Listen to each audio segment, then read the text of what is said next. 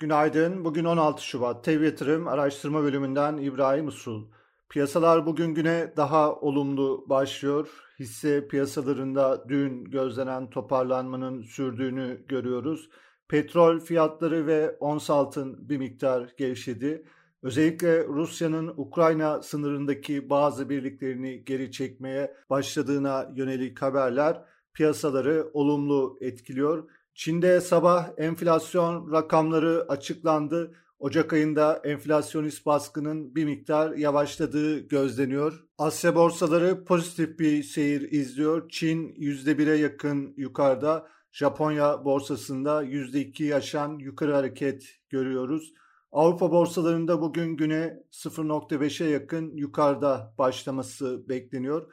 Amerikan endekslerinde dün iyi bir kapanış gördük. Bugün vadeli tarafta Amerikan endeksleri dünkü seviyelerde hareket ediyor.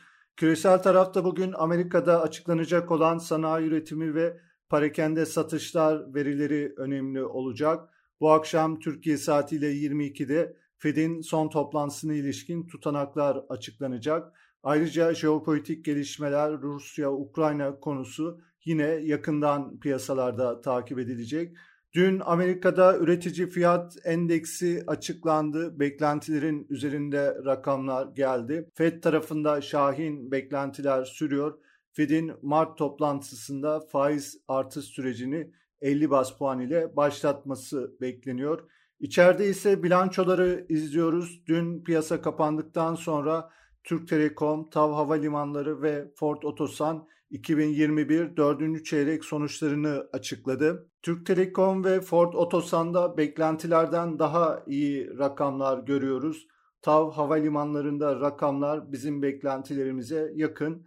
Borsa İstanbul'da dün iyi bir kapanış oldu. BIST 100 endeksinin günü 2038 seviyesinde tamamladığını takip ettik.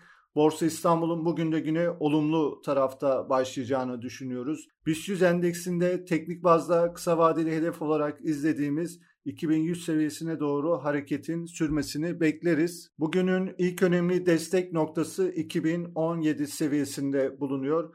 Hisse tarafında teknik olarak Akbank, Doğan Holding, Garanti Bankası, Enka İnşaat, Kardemir'de Tekfen Holding, Türk Hava Yolları hisselerinde göstergeleri olumlu tarafta izliyoruz. Piyasaları değerlendirmeye devam edeceğiz. Teb yatırım olarak herkese iyi bir gün diliyoruz.